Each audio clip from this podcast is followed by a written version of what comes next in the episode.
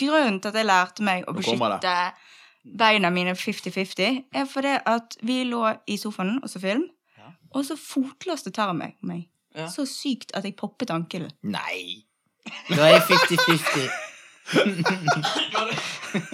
Har vi Ligger dere og ser film i 50-50? Er det det dere sier til meg? Jeg syns faktisk det var litt ubehagelig. Kan jeg få ligge på deg? Nei, nei, nei, 50-50. Hvis du er her for faglig input og kvalitet, så er det ikke sikkert at uh... Du er 10 av det for deg. Men vi gjør det nå bare for det. For det vi Folk vet ikke hva de trenger, men nå trenger de trenger.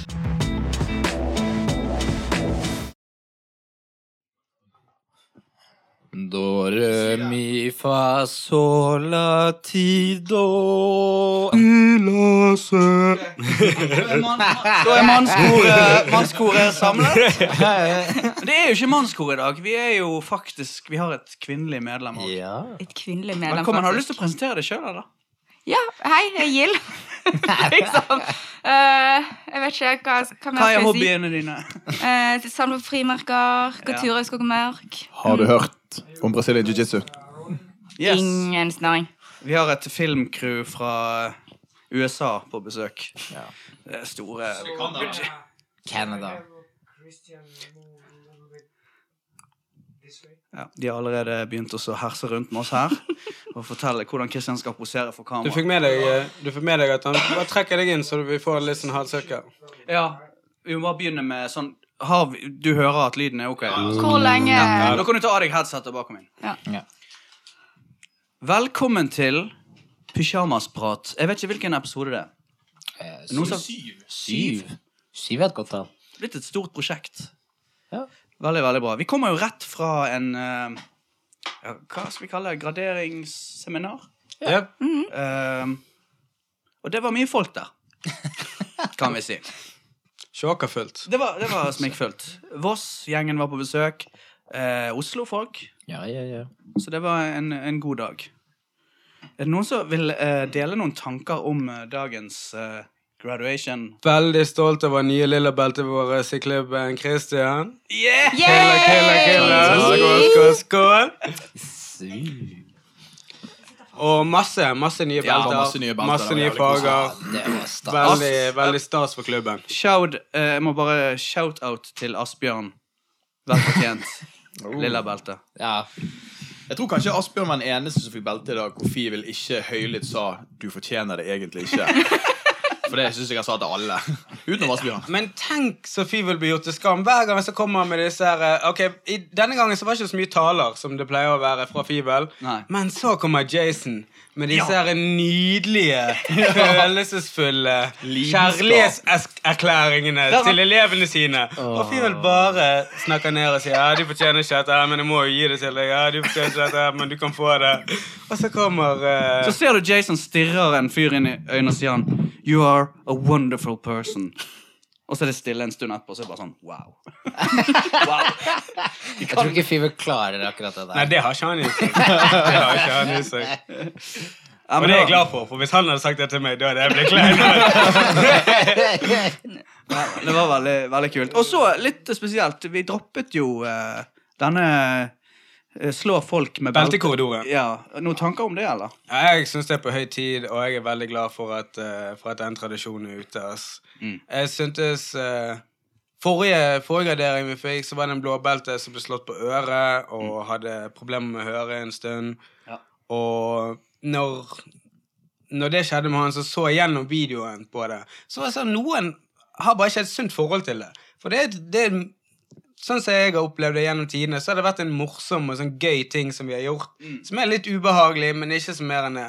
Men noen bare ligger altfor mye i det, og det er bare sånn der eh, Ja, Du mener Du- slå for ivrig? Ja, ja og, og sånn de går litt glipp av sin tur og slår fordi den foran de slår, så får ikke de det helt til. Så derfor på neste runde ser du de bare sånn Åh, lader opp og hiver seg inn og bare eh, ja, Du kan bare, måte du kan bare si det til meg du snakker om, liksom. Nei, nei, nei, jeg har ikke lyst til å hive noen under bussen, men Jeg, jeg, jeg, jeg, syns egentlig I året første gang, tilfeldigvis nok når jeg egentlig skulle gått gjennom korridoren sjøl, men jeg synes også i år tenkte jeg at det første gang det var greit. Men jeg har alltid vært utrolig verbal om at jeg har hatt lyst til å går korridoren sjøl òg fordi jeg òg står og slår andre. Ja. Så jeg har ikke lyst til å liksom bitche unna og ta moroen og ikke ta Jeg har lyst til begge sidene, sant? men etter den episoden i fjor, Ja. hvor først så trodde jo um, Det ble jo funnet ut av på film hva som skjedde, da.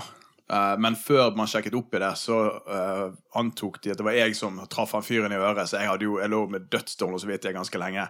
Og så ble den løftet litt lett etterpå, men det er jo fortsatt en jævlig kjip situasjon som oppsto. Og, og den personen som fikk et, fikk et belte, hadde jo ikke en, en bra opplevelse den Nei. dagen. Og det ble på en måte ikke den, sykt, den feiringen det skulle være. Det ble bare en, en litt kjedelig, en kjedelig kveld for den personen, ja, og, og noen kjedelige uker som fulgte etter.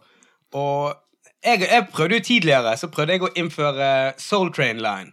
At vi, at vi, at vi istedenfor beltekorridoren At vi istedenfor at vi slo hverandre, så satte vi på noe funky 70-tallsmusikk, og så, måtte, så kunne folk velge fritt. Enten kan du gå ned korridoren og bli slått en runde, eller så kan du danse ned eh, hele korridoren og kjøre på. Og så foreslo jeg dette her, og Fivel nevnte det som et alternativ, og så fikk jeg òg belte den gangen, så da liksom nevnte Fivel at det var et alternativ, så tenkte jeg sånn her, vent litt. For meg er det faktisk verre å danse foran alle disse menneskene helt edru enn at de slår meg. Så jeg bare slår «Æ, slå meg istedenfor. Men jeg prøvde allerede da å bare bremse litt den der, eh, slåkulturen, at det er ikke alle det passer for. Nei, nei. Og det burde ikke være en, en greie som folk syntes er kjedelig.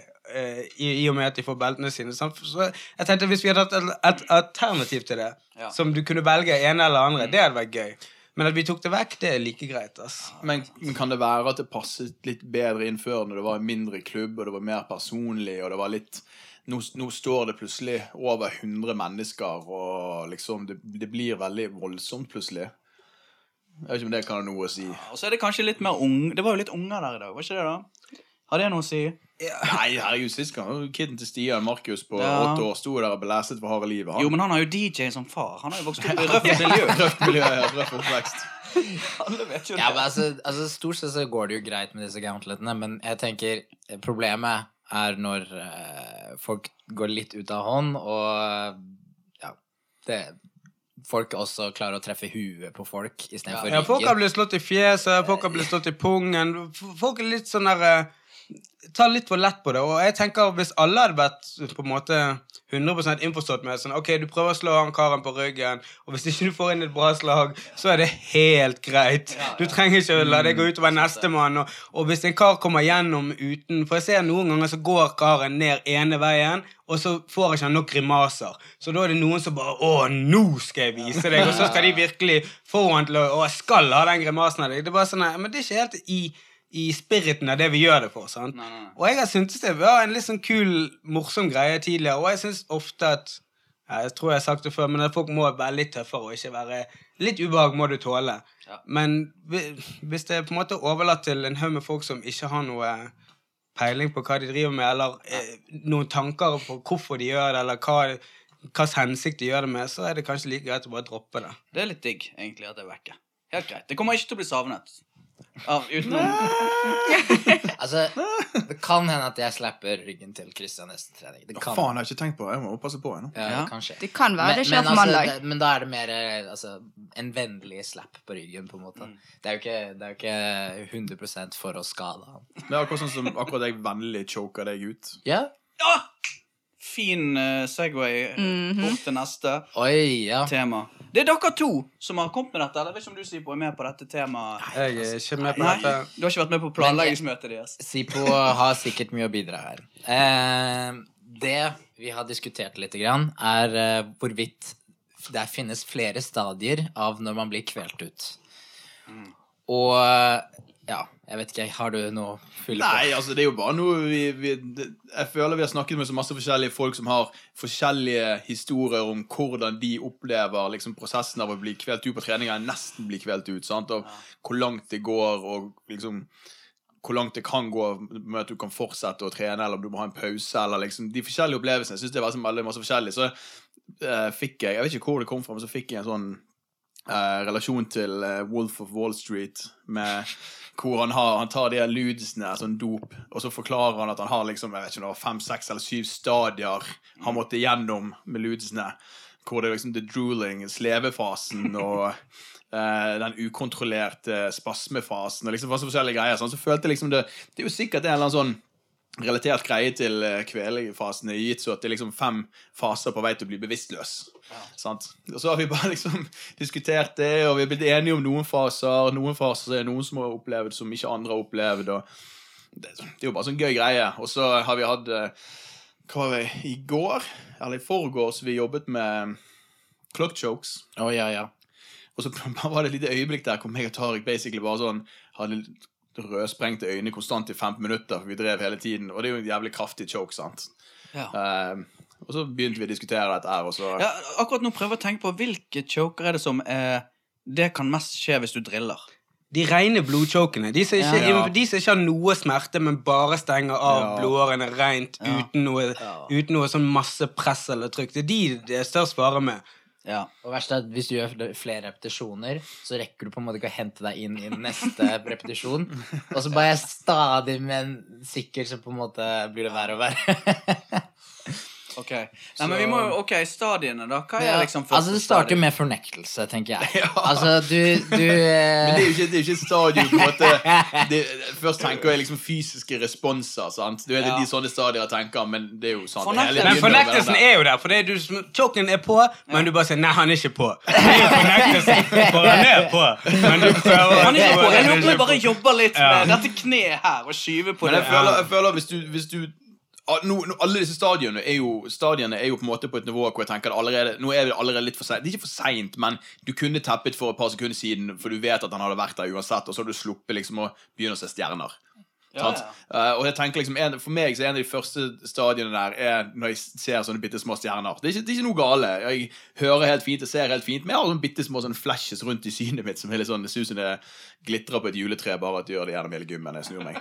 Um, det er liksom en av de første for meg. Det er veldig sånn enkelt. Men den plager meg ikke i det hele tatt. Jeg men- kan fortsette med en gang. For meg pleier den å komme når blodet kommer tilbake igjen. Hvis jeg har vært i en choke og akkurat greier å komme meg ut av choken, så får jeg de der flashes. Jo, ja, da er kommer sant. de stjernene. Ja. For da har jeg fått litt blod tilbake. Så, ah, Ja, der, nei, men det, det, er sant, det er sant, for det skjer kun etter jeg har teppet når jeg reiser meg opp. Ja, ja, sant? for det når blodet kommer tilbake, da kommer de stjernene for meg. ja, Men jeg tror, jeg tror de fleste av disse responsene egentlig også er etter at du har teppet, og du da innser kanskje at faen, Ja, kanskje jeg skulle okay. gjort det tre sekunder tidligere.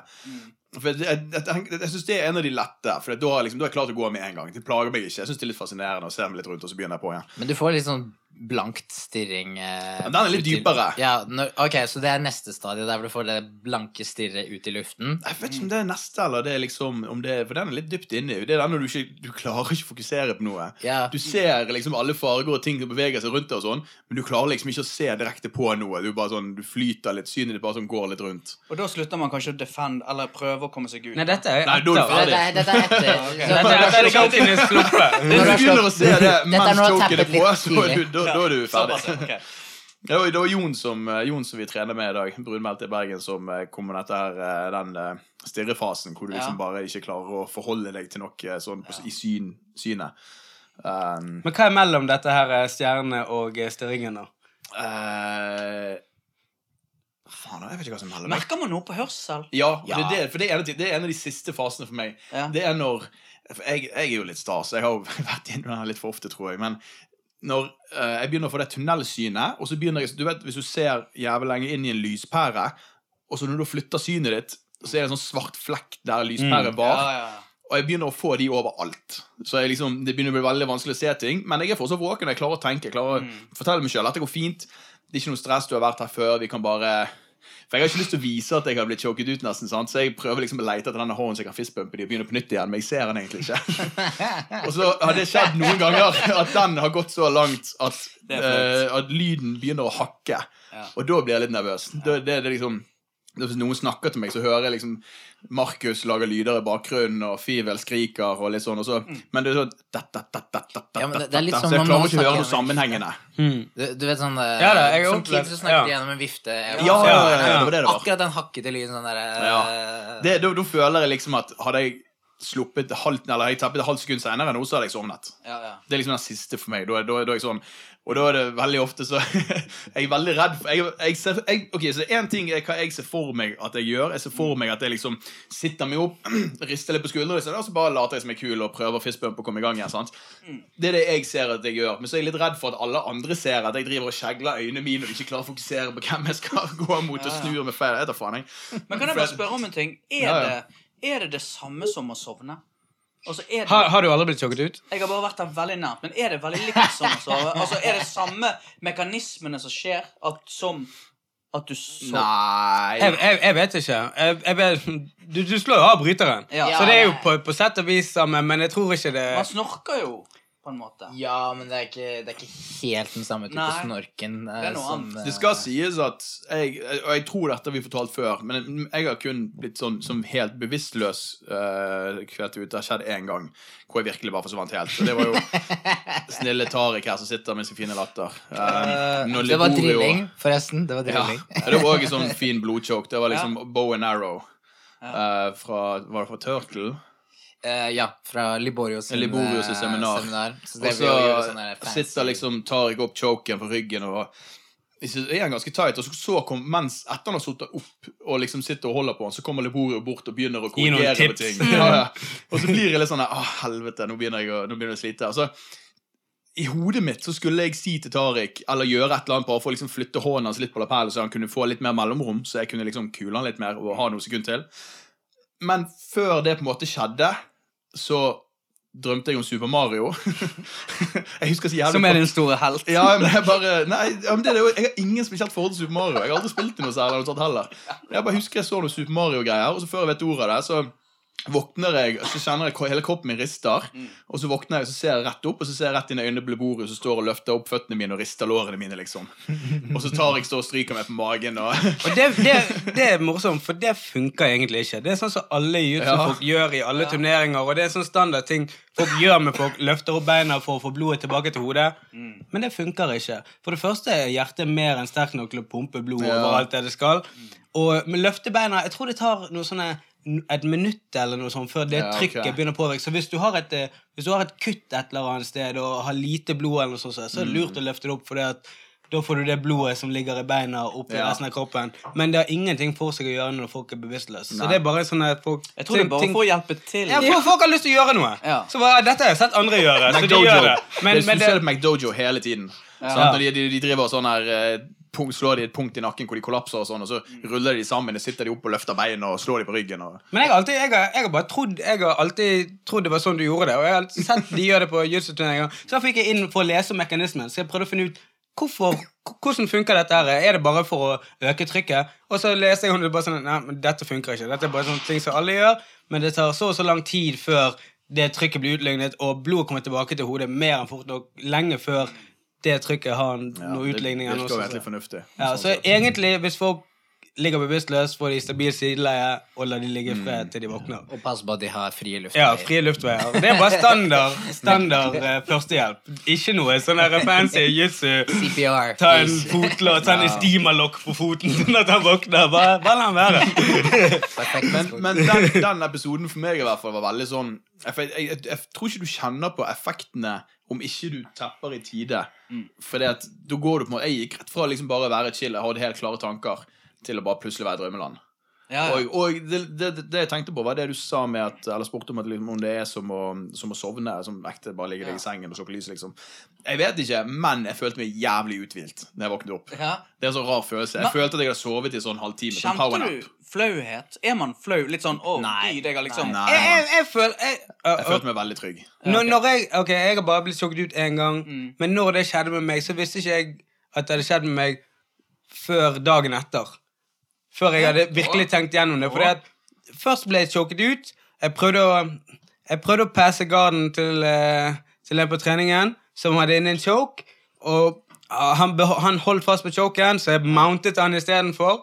Ja. Og så neste jeg husker, er at han sitter og bare sånn Går det bra? Så sier jeg ja, det går bra. liksom Slapp av, så fortsetter vi å rulle. Og så, så bare sånn, plagde det meg litt sånn hvorfor han spør om det går bra med meg. Liksom.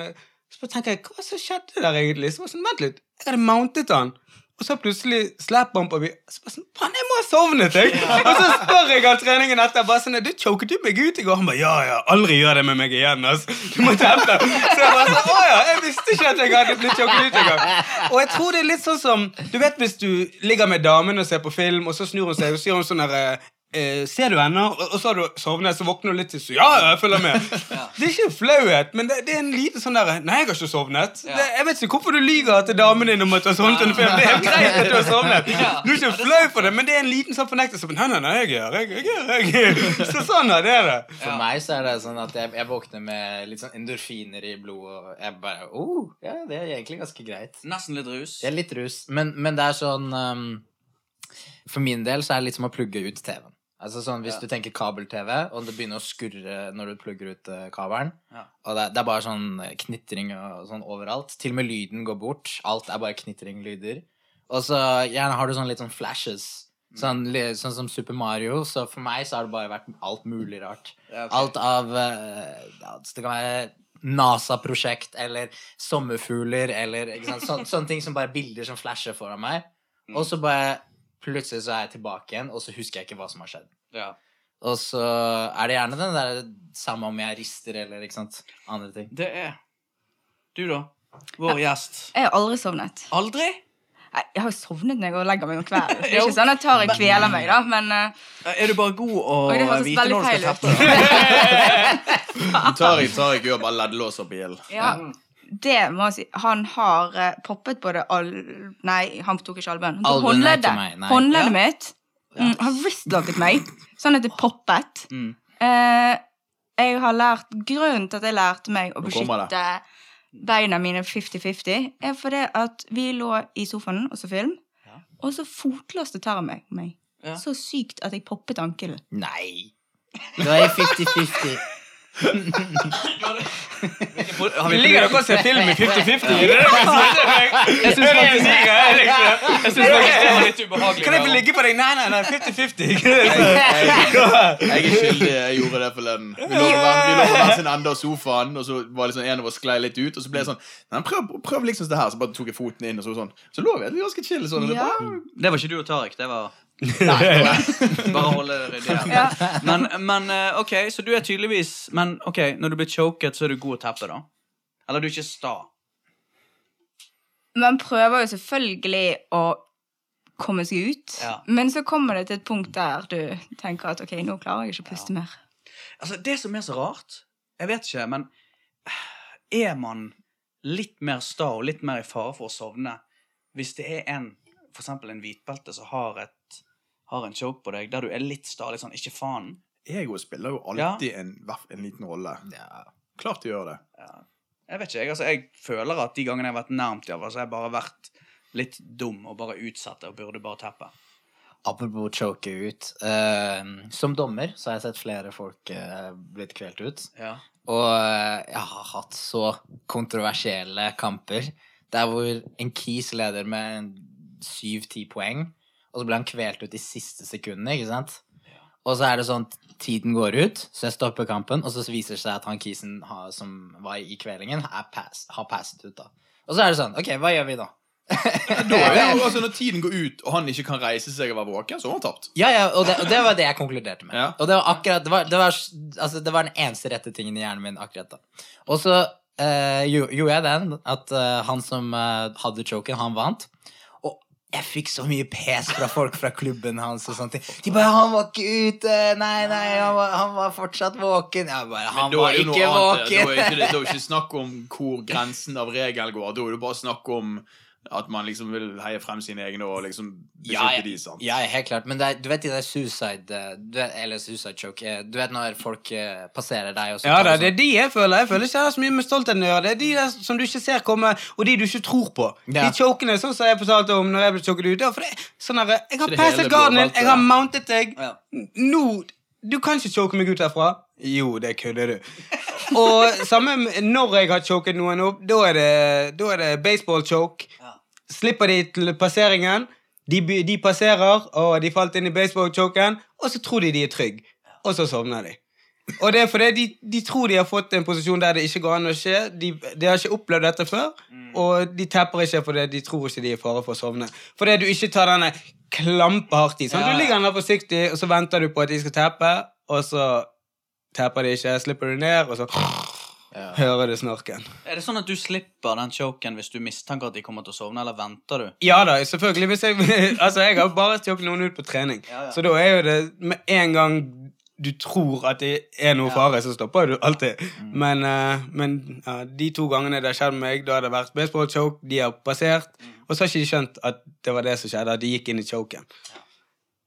Men som dommer så må du vel kanskje steppe inn og Må ikke du være litt Ja, sånn men du må jo, altså, det er ikke så lett å se når en kis ligger flatt oppå den andre, Nei, og så er det to hender imellom som trekker ned. Og, ikke sant? Altså, du, du sliter nok med å se hvem som setter opp hva, og så samtidig skal du se om han er våken eller ikke våken. ikke sant? Og så, Du ser jo ikke om øynene hans er lukket eller ikke lukket. eller, ikke sant? Du, det eneste Nei, du kan se, egentlig er om han er slapp eller ikke slapp. Ja, ja. Og måten du ser det, er om han kisen på bunnen klarer å flippe han over eller ikke. egentlig. Det er, det er nesten den, den letteste måten å se det. Men stort sett så ligger de bare på topp der, og så tror du at han er fortsatt våken. Ja. Men ja, det er jo ikke opp til dommeren egentlig å stoppe matchen, eller tappe for personen. Personen må jo ta litt ansvar i forhold til å tappe i tide. Men selvfølgelig, vi skal jo uh, hoppe inn så snart som mulig. Det er jo noe annet. Så hva andre jitsu-utfordringer finnes det i dette forholdet? Forresten, for de som ikke har fått det med seg, så er jo Gild kjæreste og samboer med Ja. Tariq. Bare Ja. sånn, hvis det er noen som ikke vet det. Ja. Jeg tror de fleste vet det. Trener dere mye sammen? Ja. Eller, vi pleier jo å gå én runde Maks. maks om hver treningsuke. Men, okay, Ikke mer! Men det er, det er viktig å påpeke også at jeg eh, Vi bruker betraktelig mye, mye, eller store mengder av dagen sammen fordi vi studerer sammen, vi bor sammen, vi Ja, jobb Altså, jeg jobber jo på frontline hele tiden, og der er hun også, ikke sant, og så på en måte vil vi alltid være Ja. samme sted, da. Ja, Så det å rulle, det er på en måte bare en del av Det, ja, altså, det blir jo litt sånn at jeg tror for hennes del så får hun mye mer å drille med en partner som er lik størrelse, og så får hun i tillegg litt sånn egen tid med noen andre istedenfor. Ja. Så kan jeg drille med noen andre. Eller Ja. ja. For hver gang Tariq sier noe nå, så har jeg bare lyst til å se på Gild og bare spørre stemmer det. Eh, jeg vil heller drille med Tariq enn å drille med noen som jeg føler er tilbake slemt å si. Kanskje ikke er så veldig flinke. Til å si tilbakestående. Det er ikke lov å si. Sånn språk bruker ikke vi her på det. Hallo, vi er gentlemen. Det var derfor jeg ikke sa det! Det var Kjartan som Ja, sa det. Jeg unngår gikk å si noe som helst. Um, Bare så jeg hadde en stund der jeg sa til Tariq at hvis ikke det er noen på min størrelse, så vil jeg heller være med deg enn å Ja. måtte være med noen som jeg ikke liker like godt. Eh, men jeg, for å være helt ærlig så blir jeg faktisk veldig frustrert av å drille med Tariq. Okay. Fordi at han er ekstremt mye mer fleksibel enn det jeg er. Og litt tyngre. Bare Eh, litt. bare bitte litt. Så når han da sier 'bare sving fotene rundt her', så blir jeg litt sånn Men jeg er ikke så svingbar. Nei. Og det er veldig lite Jo, forståelse men der kan av og det være at sånne eh, Sånn det at Tariq ikke har eh, ryddet på kjøkkenet, da kommer, ut, kommer frustrasjonen din ut under denne drillingen? Helt klart. jeg så Eh, ser noen utfordringer. Stemmer dette? Ser Jeg noen må calle utfordringer? Tariq ut på all bullshit han kommer med i dag. nei, da er det vel kanskje mer at jeg måtte skru ned fire hyller og sånne ting, fordi at han ikke klarer å unngå de når han skal gå rundt i stuen. Ja, og forresten, det var en greie. Jeg la ut en sånn post på Instagram. Hvor hva, eh, jeg skrev Jeg skrev et eller annet om at eh, vi kan få, endelig få vite hvorfor de har måttet babysikre hele leiligheten. Og det var ikke fordi de skal ha en baby. Det er fordi Tariq må behandles som en baby i forhold til skarpe hjørner og kanter. Ok, Jeg vet ikke, jeg tror jeg, Det er fordi jeg kommer fra et veldig greit hjem med høye tak. Vi bor ikke i en hule. Nei, det er bare tull. Men i, i forhold til at uh, så flyttet jeg inn hos uh, sammen med Gild, og da bodde vi i en toppetasje med ganske skrå tak, og um, boden hadde skrått tak, alt sammen, og der er masse bjelker og spiker og ting du kan egentlig sette hodet ditt i. Eh, så til slutt, egentlig så bare fikk vi tak i noe sånn der, hva heter det, poo-noodle, nei, hva heter de? Jo, poo noodles. Poo noodles. Så du bare, det, det er sånne lange Sånn som du bader med, uh, hvis dere vet hva jeg mener. Nei, Ja, da. Det, det er sånn foamy sak. Skum, skumgummi, er eh, Ja. Ja, ja, ja. Så du chopper opp de her, ikke sant? og så bare legger du de på de alle potensiale potensielle skadepunktene. Det hadde ikke vært lettere hvis du bare gikk med hjelm. Er altså poeng. Jeg, husker jævlig godt første gang jeg la merke til det. For jeg har jo kjent Jeg har jo teknisk sett kjent Gill lenger enn jeg har kjent Tariq. Så jeg har jo også vært oppe i leiligheten hennes før eh, og etter Tariq flyttet inn. Sånn at jeg husker første gang uh, jeg, vet ikke om det var første gang jeg var der oppe etter du hadde flyttet inn, men i hvert fall etter du hadde flyttet inn, så gikk jeg på do. Og så satt jeg der på do og satt mobilen min, sånn, så plutselig så ser jeg at ene kanten der har en oppskjært tennisball tredd inn på hjørnet på hyllen. Og så tenkte jeg Først, først tenkte jeg men de er jo hunder. Så det er bare sånn koselig greie at hundene kan komme og gnage på han eller noe sånt Men så er jo han sånn to meter, nei, sånn halvannen meter over gulvet. Så hunden når jo ikke opp der. Og så husker jeg liksom gikk og spurte, og så var Gill bare himlet med øynene. Nei, for Tariq har slått seg i hyllen tre ganger denne uken, her så vi måtte liksom childproofe han. Nei, altså, ja. Jeg, har, så vidt overlever uh, Du er en fare for deg sjøl. Ja. Eh, ja. Bare spør eh, Tariq hva som skjedde når vi var ute og skulle kjøpe materialer for å lage port til hagen. Ok, så vi var Hva heter det stedet? Dette blir også en sånn Tariq forteller sin versjon når vi kommer med vår. Ja, ok. Men, men da vi var på Vi var uh, på uh, XL Bygg. Ja, lak Laksevåg Ja, og så uh, det er ikke, Altså, jeg skjønner ikke hvorfor de har spikere stikkende ut fra veggen. Det, det er jo ingen grunn til at spikere stikker ut fra veggen. Og selvfølgelig så går jeg inn i den spikeren og ødelegger buksa mi. Nesten kuttet av meg beinet, sikkert. og så Men uh, ja. Og så kommer Tariq bort og bare Faen, se han spikeren! Helvete, så står han liksom holder seg i hullet i buksen. Jeg holdt på å dø, jeg. Og jeg bare sånn Kom igjen. Ja, det, det, det finnes bare visse områder og steder man må være veldig sånn beskyttende om du tar Tariq med. Ja. Det er veldig veldig befriende å høre at ikke du er vellykket på alle områder. At du har noen problemer noen steder. Jeg vet ikke hvorfor, men det, det, bare, det bare trøster meg på en eller annen mystisk måte. Greit, det er bra for deg. Takk. Jeg har et spørsmål til deg, faktisk. Og det er Det har ikke med Tariq å gjøre, men det har som øh, kvinne på jiu-jitsu-trening. Det er en ting jeg ofte lurer på. Når vi ser eh, liksom eh, en, noe vi skal drille på, og så eh, sier liksom Fivel at 'nå skal vi drille', så ser du det rundt i rommet sånn. Ok, er det noen som er med? Så ser jeg av og til bare på de som er i nærheten, og så får jeg liksom øyekontakt med Mm. en jente jeg ikke kjenner. Da er jeg litt sånn usikker om jenter vil drille med jenter. Vet du noe om det? Og kan du forklare oss litt om akkurat det? For jeg lurer på, skal jeg spørre de, eller skal jeg bare sitte her og se dum ut, eller? det, det blir så Det Jeg kan jo bare svare ut fra mitt ståsted. Det blir jo Ja. akkurat samme som vil gutter drille med jenter. Men jeg svarer på vegne av alle gutter hele Ja. tiden, så du må gjerne føle deg fri til å svare på vegne av alle jenter. Og hvis det er noen jenter som er uenige, så må de gjerne bare Ja. sende oss en melding med sin Ja, ja, mening. Ja. Eh, For min del så spiller det egentlig ingen rolle om det er en gutt eller jente jeg driller med. Det er positive og negative sider med begge deler. Jeg prøver mer gjerne å finne mer sånn at jeg har noen cirka på min egen størrelse. Mm. Eh, sånn at jeg slipper å prøve å ballonsvipe Lasse på over 100 kilo. Ja. For det, det funker ikke så veldig bra. Ja. For min del. Ja, også, men det er liksom akkurat den. Jeg har ikke lyst til å liksom uh, presse meg på heller. Sånn, Jeg, jeg, jeg forstår akkurat hva du Ja. mener, og jeg òg føler veldig det der at, uh, at sånne, Jeg er helt åpen for å, for å drille med deg, men jeg føler det litt Hvis du vil. Ja. Uh, fordi at når vi er i et rom med kanskje 20 gutter og tre jenter, Mm. så er det én jente som må rulle med noen gutter. Og hvis hun ene jenten ser en gutt hun har lyst til å drille med eller gjøre noe med, så er det bedre at hun velger den, enn at jeg bare roper sånn Hei, skal vi gå sammen? Ja. Og så føler jeg det blir Jeg, jeg vet jo ikke. sånn Du gjør jo bare opp masse tanker inni hodet ditt uten å noensinne spørre noen om det. Og det er derfor det er litt gøy å ha deg her i dag. Ja. Men for oss så blir det ofte sånn herre Vi vil ikke Eller jeg vil ikke skubbe meg på og, og være den. Og så føler jeg sånn Bare velg den du vil, du. Men så kan jo det òg oppfattes som at sånn herre At jeg bare ser meg rundt forbi deg fordi at jeg ikke har lyst. Ja. Og, og så vet jo ikke jeg hvordan det blir oppfattet, Nei, nei. eller hvordan ja.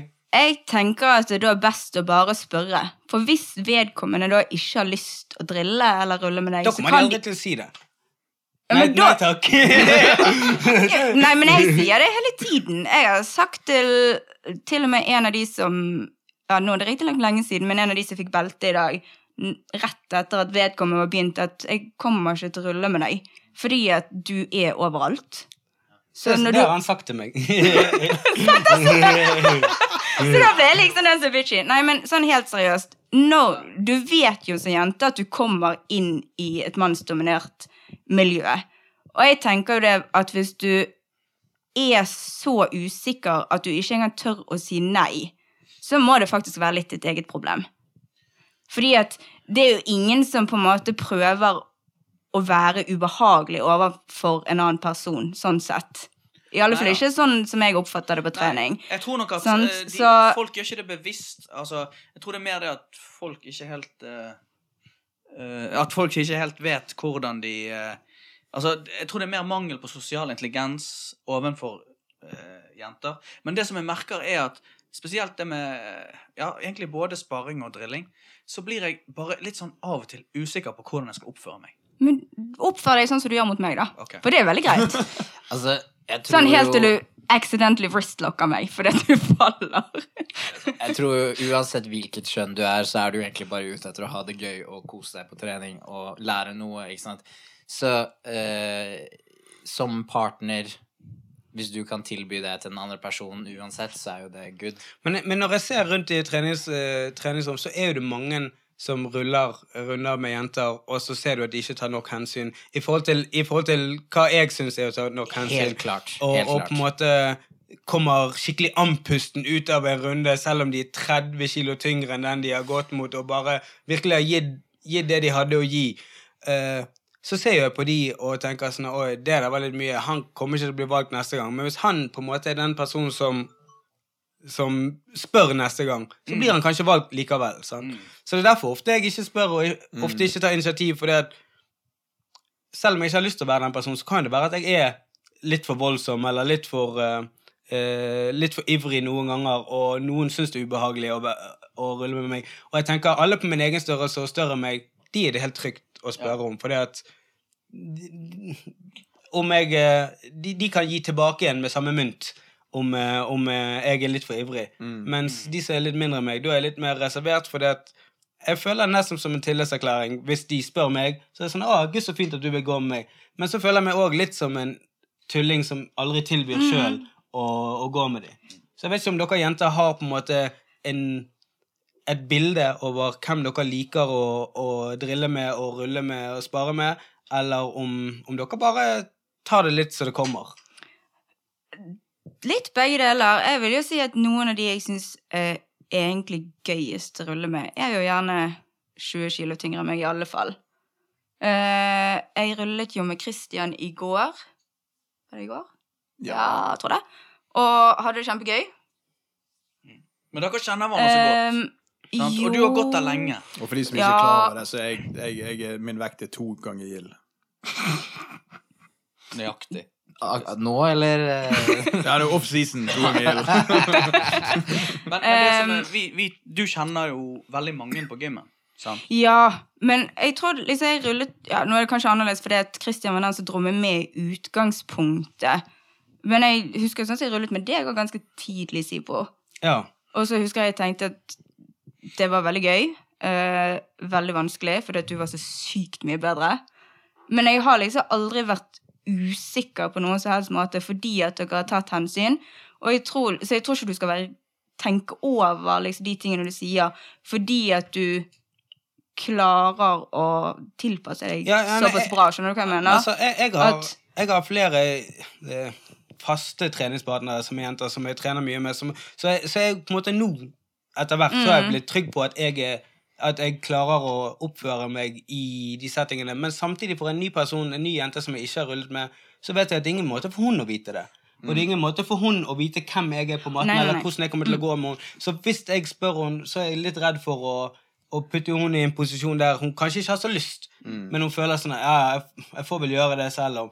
Og, Ja. og bare fordi at uh, Bare fordi at jeg spør henne, og, Og så hadde jo det sikkert gått fint, siden, siden jeg prøver så godt jeg kan å, å, å tilpasse meg, men eh, det føles likevel ikke Riktig? Rart? Det, det, det føles ut som at eh, jeg kanskje putter henne i en situasjon som hun ikke har lyst til å være i. Samtidig så føles det òg feil å bare ikke noensinne tilby. Ja. Så jeg vet ikke om, folk, om, om jenter noensinne føler seg litt eh, holdt utenfor av folk prøver å ta hensyn. Så jeg er litt spent på om du noen gang At folk snur seg vekk, at du føler det som på en måte er tegn til at de ikke vil, eller om at, at du forstår at på en måte det er kanskje en eh, Bare noen som prøver å ta hensyn og tillater deg å ta initiativ istedenfor.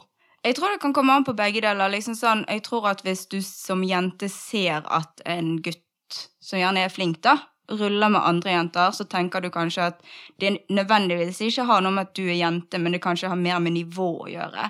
Hvis du kommer så ny at du tenker ja, men det er fordi at jeg bare har hvit belte, og han ruller bare med de som er mer, mye flinkere enn meg, at det går mer på det enn at du er jente som sådan.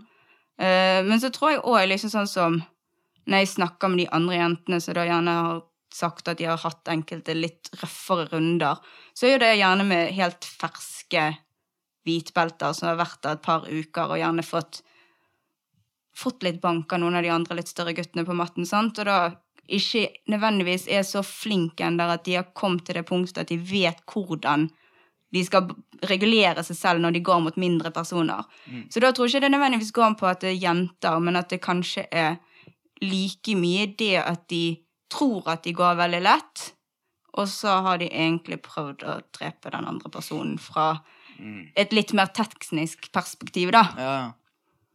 Det er faktisk òg en ting jeg har tenkt ofte på, er når du sparer med ja, Kanskje spesielt med jenter som ikke har gått så lenge, og så er jeg litt sånn usikker på hvor Jeg har lurt på om jeg skal spørre de rett ut Vil du at vi skal ha høyt tempo. Sånn, skjønner du? At, at rølen skal være litt sånn Skal vi ha energi eller ikke? For når de er veldig nye og de sliter De kan ikke hip escape eh, engang. Så er det litt sånn det er litt sånn, Vil du at vi skal liksom, Skal vi kjøre det på eller ikke? Men det er jo Man burde jo bare spørre.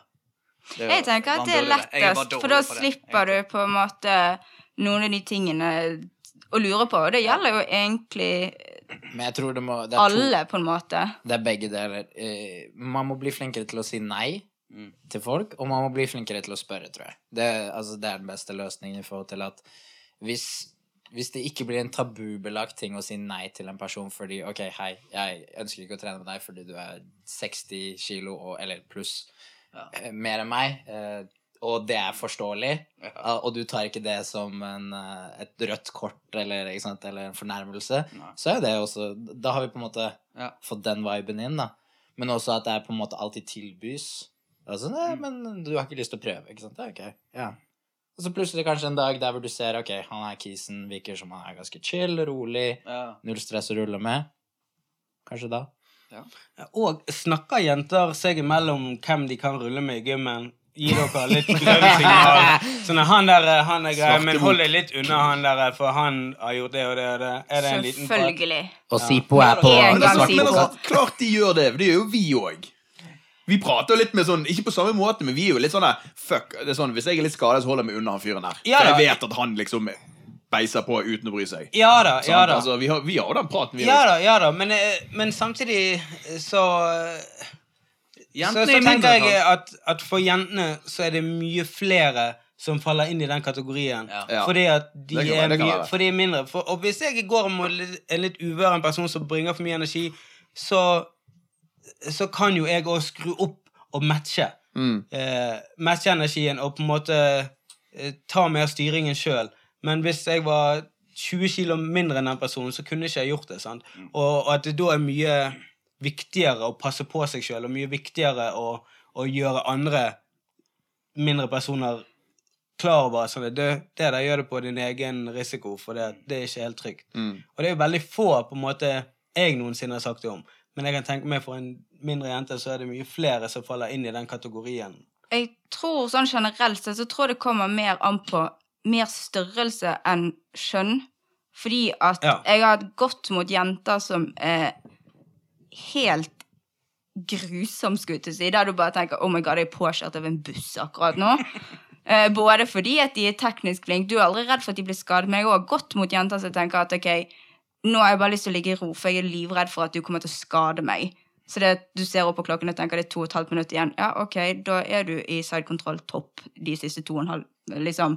At den andre personen bare får lov å ragdolle deg rundt, fordi at du tenker hvis ikke jeg gjør det, så blir jeg skadet. Ja. Uh, og jeg tror nesten jeg har fl Nei, ikke like mange sånne situasjoner med jenter som med gutter.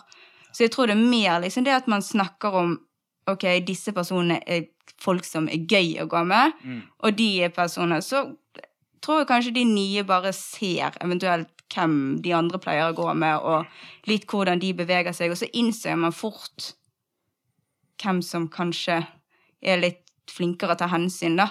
Mm. Uh, noen ganger tenker jeg det at det verste er faktisk de som nesten er min størrelse. I forhold til gutter. Fordi de tenker men vi er samme størrelse.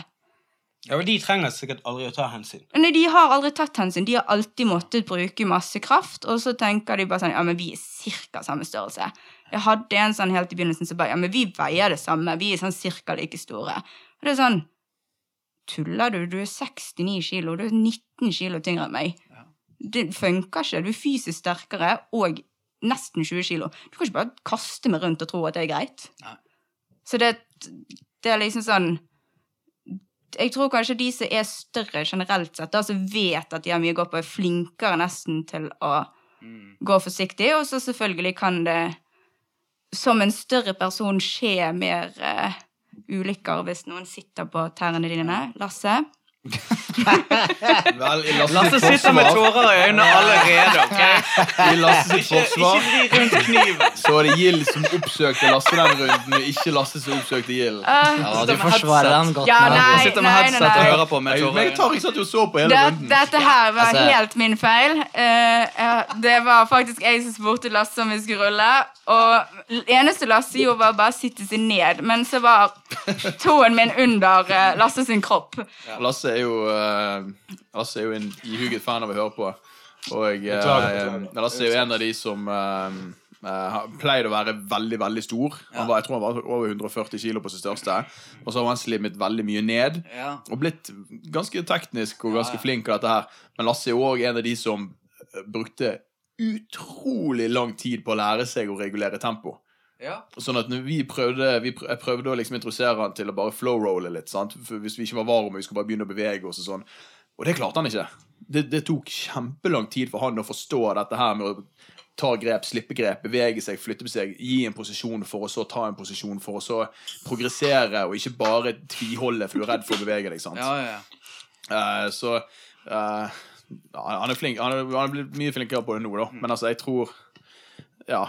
Og, og det er jo jeg tror, det veldig, jeg tror det er veldig mange som syns det er vanskelig, uavhengig om det er mot gutter eller jenter, og det der med å liksom kunne tilpasse tempoet og Bare det der med å begynne en runde og liksom ja, så Hvis en som kommer og liksom Ja, vi kjører litt roligere den runden her, da. Så, ja, ja, ok, så begynner vi litt rolig, og så Jeg, jeg er veldig sånn Jeg matcher tempo veldig ofte. Ja. Så jeg, hvis vi begynner rolig, skal vi begynne rolig. Hvis, hvis han begynner å få en posisjon, han plutselig begynner å kaste seg inn i en uh, Toriando sweep eller underover eller et eller annet sånt, og det plutselig setter han opp tempoet, så matcher jeg tempoet. Og da, er det på en måte, da hjelper det på en måte ikke om han setter det ned igjen. For nå har han Men så hvem av oss det skrur opp tempoet når vi går sammen, da? Er det meg, liksom? Du bare matcher? Er det Nei, sånn? Nei, vi går, sånn? nei, vi, vi går jo vi går som vi går. Hvordan går, hvordan går rundene mellom dere to? Det lurer jeg på. Ikke så rolig, i hvert fall. Det er ikke det. Det er lenge siden. Det, men, ja.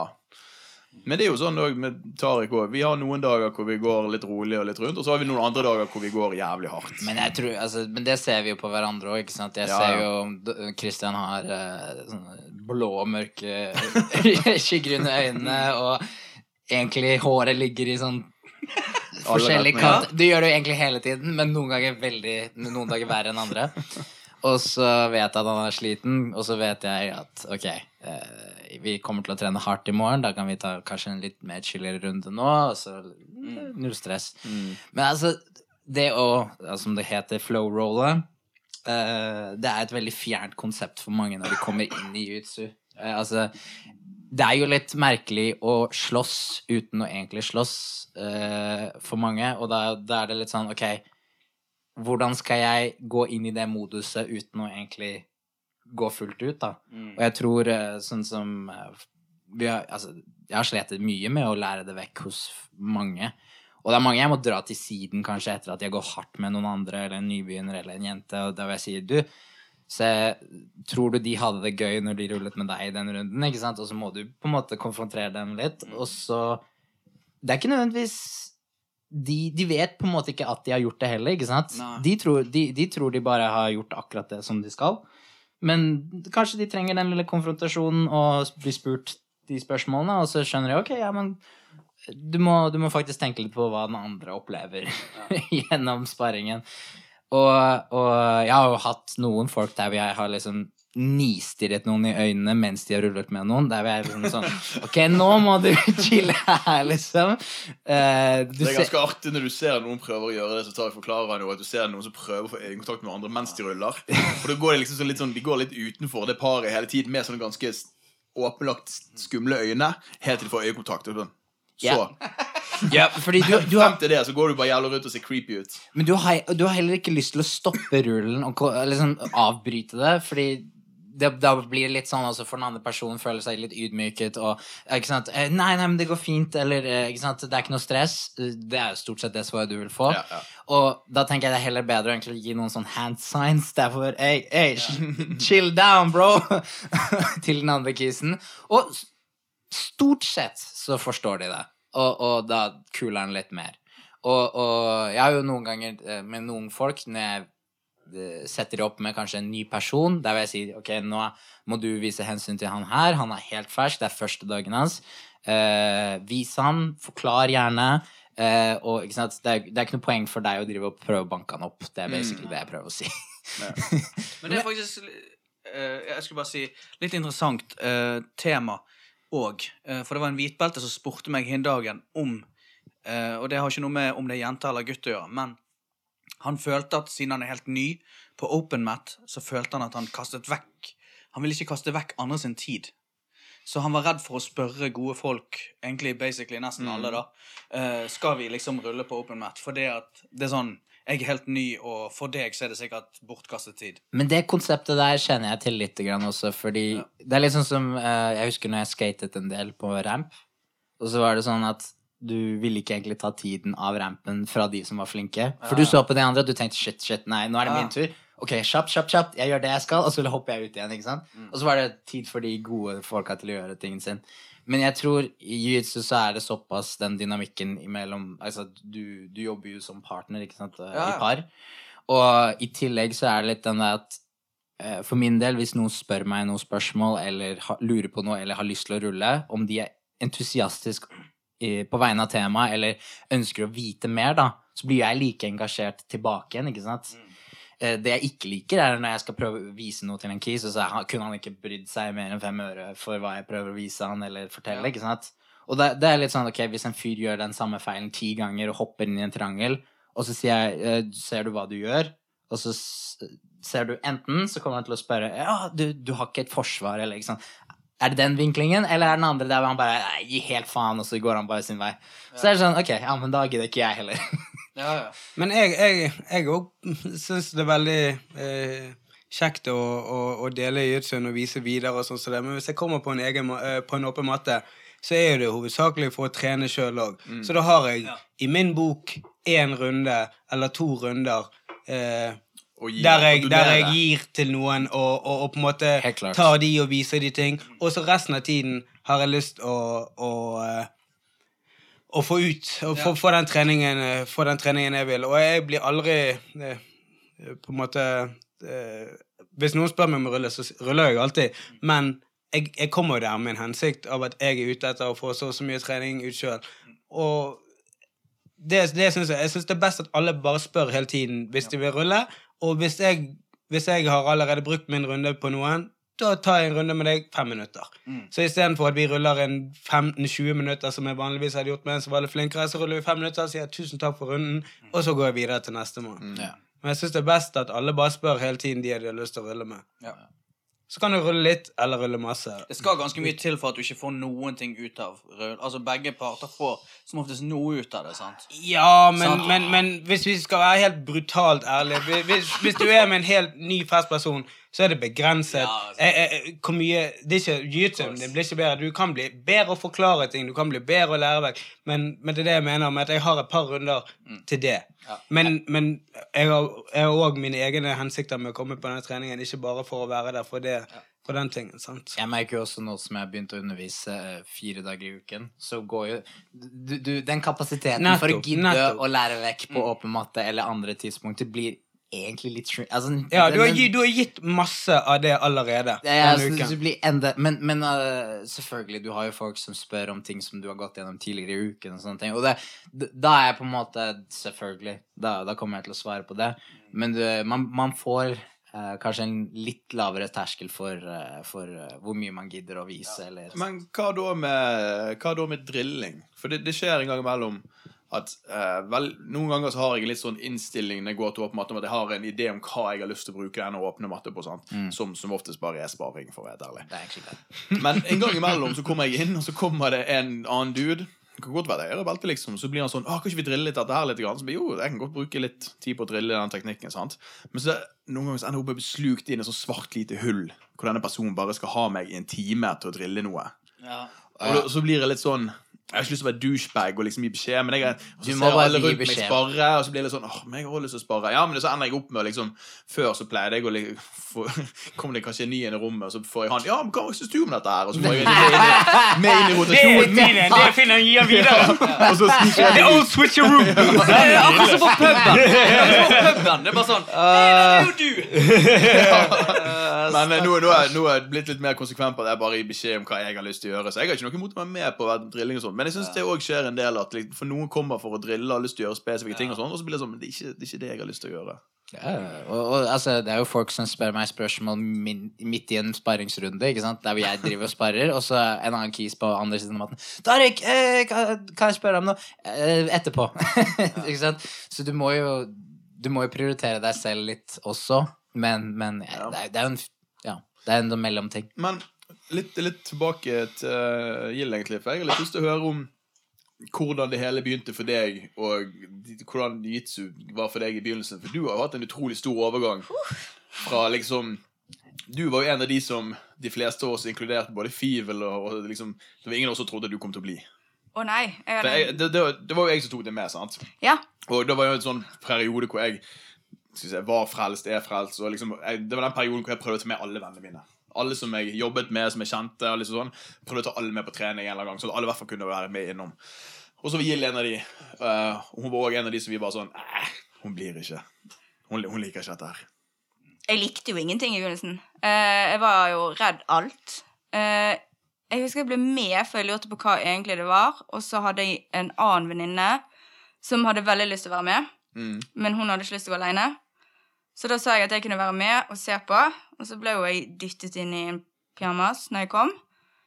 Og jeg husker det første jeg tenkte når vi skulle liksom ligge oss ned i hippiescapet, er at jeg lurer på hvor mange mennesker som har lagt og svettet på dette gulvet. Eh, det, Aldri tenkt på! Aldri tenkt på. og tenkte at det var ekstremt uhygienisk. Eh, og så jo jeg, fikk jo beskjed og prøvde å ligge og kravle rundt der som sånn ekstremt ukomfortabel lite vesen. Um, men så var det på en måte litt gøy. Og så tenkte jeg ja, men jeg har jo en uke til å prøve ut dette, så jeg får jo bare prøve å se hva det er. Eh, Christian hadde by the way lurt meg, og du har sagt at man blir ekstremt fleksibel i hoftene av å holde på med jutsu. Har jeg sagt det? Eh, ja. Og det Det var en egentlig hemmelighet jeg i så fall ikke har gått opp for meg sjøl før noen år seinere. ja, Uh, Og det var jo egentlig eneste grunn til at jeg fortsatte. Fordi at jeg skulle bli mer fleksibel og mykere i hoftene for å bli flinkere å ri. For jeg holdt på med konkurranseridning på det tidspunktet. Jeg er sikkert bare løye for alle vennene mine. Uh, det tror jeg komme. Mest sannsynlig. Uh, men så fikk jeg en skade i korsryggen og i skuldrene og litt sånn, som gjorde at jeg ikke fikk lov å ri lenger. Og da hadde jeg liksom allerede begynt å rulle rundt, så da tenkte jeg ja, men da kan jeg bare gjøre det istedenfor. For det blir på en måte Det var jo litt ufrivillig yoga. Yoga under tvang. Um, men så innså jeg etter hvert at det var ekstremt mye utfordringer når man eh, har det var, det var noen som sendte oss en melding på Instagram om å spurte. For det var en som, eh, en som kjenner deg, som heter Dorte, som også var sånn Ja, eh, hvordan går det med Gild og fobien hennes for tær? For det var jo en stor greie i begynnelsen. Den må nå være vekke, vel. Ikke helt. Det kommer litt an på. I enkeltting Vi hadde en episode i går, uh, for han er på trening. Har tydeligvis hatt en frostskade i militæret på tærne sine. Ah, yeah. Det var jo mest uskyldig. Han hadde så vidt sånn litt hvit Altså, tærne hans var litt Åh. hvite. det Litt hvite, hvit. Ok, nei, nei, nei, de var kritthvite. Okay, men vi kan ikke snakke om det, for jeg blir kvalm. Ok, men, men hva med den gangen jeg foldet fingrene mine med tærne dine i går? Nei. Sånne Det ting. ikke noe soveromsprat fra det, dere nå. det, det, var, det var svaret på det spørsmålet. Nei, nei, det var, det var åpen, åpen Nei, matte. men liksom det var, er Nå kan jeg faktisk liksom, Folk kan på en måte sitte opp en armlås eller ha tær i nærheten av hodet mitt eller sånne ting uten at jeg begynner å hyperventilere og gråte. Så det, det vil si at jeg Og jeg kan klippe mine egne tånegler uten å brekke meg. Fotfobien din var en sånn liten greie som jeg tenkte var litt morsomt når du begynte. Men det som er grunnen til at jeg trodde du ikke kom til å fortsette med jiu-jitsu, var fordi at første gang vi skulle rulle sammen, så sa du sånn Ja, jeg s- spurte deg, skal vi spare? Så sa du ja, men ikke skvis meg. Og så er det sånn eh, Ja, er liksom OK, det jeg gjør. men Men jeg må, jeg må prøve å jeg må prøve å komme i psychotrol noen ganger. Og så, så, så, så sa du sånn Ja, ja, bare ikke skvis meg! Så, ja, ok. Og så sa du det til flere den dagen. Og bare sånn, ja, men jeg vil ikke bli skvist. Så sa jeg ok, kanskje ikke dette er er for deg, da. For det er mye Eh, skvising oppi greiene. Ja, men folk var veldig flinke til å ta hensyn til at jeg had, var litt redd for uh, å bli most. For det var egentlig det jeg var redd for. At noen skulle bare gjøre meg like flat som alt, liksom. Og at jeg ikke skulle få puste. Og jeg liksom Så var det bare det de prøvde på. Å gjøre deg flat og ta vekk pusten din. to ting på en gang, med tær i nærheten av fjeset Så ble du vant til det. Ehm, men ja, jeg syns jo ikke det var noe kjekt. Men det var liksom sånn Jeg har heller aldri vært et sånn klemmete menneske, sånn egentlig. Så at jeg, er, jeg vet egentlig ikke sjøl hva som skjer. Men du har kommet over alt dette, da? hvert fall. Ja, ja, ja. Nå er jo jeg den som Og ja, jeg var òg veldig redd for at folk skulle svette på meg. Hvor, Å, det er gøy. Ja, da er du på feil sted. Åh, Men liksom, men det er ikke så man tenker jo ikke over det nå. Hæ? Nå blir du mer eh, Altså, Oslo, way worse. Hæ? Vi, vi har Det går det an å si, liksom? Er det noe annet enn svette folk på en ja, ja, men altså, vi har jo et par karer i Oslo som eh, når de sitter etter å ha sparet i fem minutter, setter seg ned, og så finner du en dam der hvor de har sittet. Sånn legit en dam. Og hvis du ruller med dem, så er det sånn at du er redd for at dråpene fra pannen deres skal treffe i øyet ditt. Vi har et par av de òg. Ja, ja, altså Jeg sånn har fått den både i øyet og kjeften. ja. Men det er Og Fivel er en av de. Fivel er en av de. Han er, han er en dam. Men han er så Og- liten, og det ligger ikke så Ja, mye ja, ja, nettopp. Det er små Nei, han damer. tørker, han tørker seg på deg. Det er sånn bokstavelig. Tørker av seg svetten på Ja, men det vil jeg gjerne spørre dere. Hva syns dere om det? Du vet når du kommer på topp, og så er du jævla svett, og så tørker du pannen din på gien til den som er under. Det har jeg aldri tenkt på før, men jeg skal gjøre det fra nå av. Jeg har aldri tenkt på det. Jeg har aldri tenkt på det. Jeg husker at Vinny gjorde det på meg Når jeg var helt sånn ny, og så tenkte jeg sånn Å, helvete, det er det Nei, det, verste stedet å være. det Det har jeg aldri gjort. Det har jeg tenkt. Det er ikke liksom på topp, og så var han jævla sur, han bare sånn bare, Oh På- men- Så ydmykende! Men på låret ditt, eller Nei, hva? altså, hva? bare sånn, Du er på topp i en side control, kanskje du ligger litt med ryggen til, og så er skulderen din her med gien, og så bare er panen hans rett over. Så er det bare sånn Det er helt Han bare man gnikker panen på, Og, og liksom. vet du hva, det må jeg bare si Det lærte jeg av Vinni. Det har jeg, jeg begynt å gjøre det. Ja, nettopp. Jeg har lært det deg nå. Og jeg Pannen min er her, gien din er der. Dette gjør vi. Dette skjer nå. Og så er det bare Det kan hende at jeg har gjort det uten å tenkt over Det er ganske kan det er muligens. Men, Det er ganske digg, så men jeg tror jeg bruker min egen gi mest. Ja. Liksom. Ja. Men det er jo den ultimate Når du først har fått kontroll, så er det litt sånn mm. Så Nå nå skal du-. Nå skal du gjøre det, markering, dominans eh, Men det, du må passere garden før du får lov å gjøre det. Du kan ikke gjøre det for nei. Det det er bullshit. Nei, det er master. Eller så kommer Sipo som politi. Du er ikke fast. Uh, men jeg, vet ikke hvordan vi er på tiden. Og... Nei, vi er, vi, er gode. nå, vi har gått litt under en time, så vi har god tid nå. Det jeg skulle si Jo, det blir ingen fotmassasjer ennå, da. Med hjelp. Nei. Så Ikke med sokker på engang. Det er òg fordi jeg tar jeg har hobbitføtter. Oh. De sånne små, tjukke stubber. Tjukkis. Ja, du ta av sokkene. Altså, kan de, her, de her sokkene gjorde deg ingen tjenester, for det er mørkt her inne, og hælen på sokken er midt på foten din. Så du som den minste Er det Gild sine sokker, egentlig? Det er de vi kjøpte på Primark uh, billig. Men uh, det jeg skulle til å si, da, var at uh, mine føtter er ganske solide i bredden. Det er rett og slett Det er det som gir meg en god base. Og base gir bedre press, og press gir bedre balanse, som vi lærte i dag på seminar. Og bedre balanse gir bedre press. Det var jævlig mye fram og tilbake! Jeg så ene gutten som satt ved siden av oss når Tete hadde denne hele denne ranten der, så så han nede bare sånn Hæ? Jeg. Men uh, det er en som slår meg. Uh, Josef uh, Karim har noen av de rareste føttene noensinne. Han har en sånn uh, svær utvekst på siden av foten. Så han har bredere fot enn det jeg har i lengden, tror jeg. Hæ?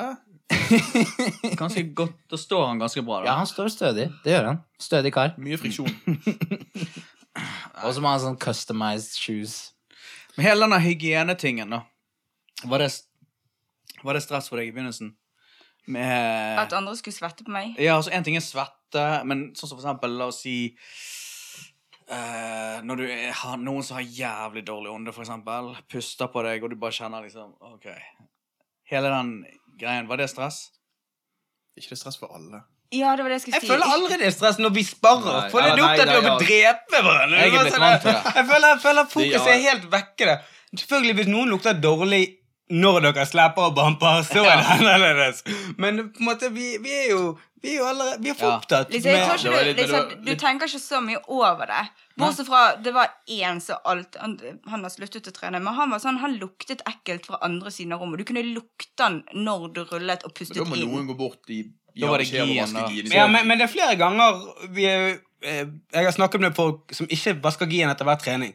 Som bare sånn Nei, dette var en lett trening, jeg skal ikke vaske min. så jo, du skal vaske gien din etter hver trening. Og rett etter trening. Ikke la den ligge i sånn der tre dager i bagen din, og så vaske den. Rett etter okay. trening, vask igjen. Det er ekkelt og uhygienisk. Og jeg tenker hvis du faktisk For noen har jo gjerne problemer med å få vasket hver eneste dag. Men da får du putte den oppi en bosssekk og putte den i frisen. For hvis ikke gror det ekle ting i gien din. Det er, det, er det en løsning? det er en løsning, for det dreper bakterier. Ja. Det er omtrent som de som aldri vasker beltet sitt. Det er ekkelt. Så Jeg vasker jævlig sjelden beltet mitt. det er ikke så ikke, det er ikke så mange vask der det beltet blir med. jeg tror jeg vasker beltet mitt hver uke, sånn cirka. Ja, med luft i alle fall. Hver måned, kanskje. Men, eh, ass. Men i forhold til apropos det, det med is, da. Det Sånn som når jeg var ute og reiste i San Jose, og så trente jeg ganske Jeg trente to-tre ganger om dagen før VM. Og da hadde vi selvfølgelig ingen vaskemaskin, så vi måtte jo stikke bort til en sånn laundromat-sted. Mm. Og den gadd vi jo ikke stikke bort til hele tiden, så vi, vi måtte jo samle opp klærne, og så tar vi en svær bunch, ikke sant? Men det jeg gjorde, som var ganske smart, var at vi la alle giene i badekaret med litt vann og masse, masse is. Ingen lukt, ikke noe problem.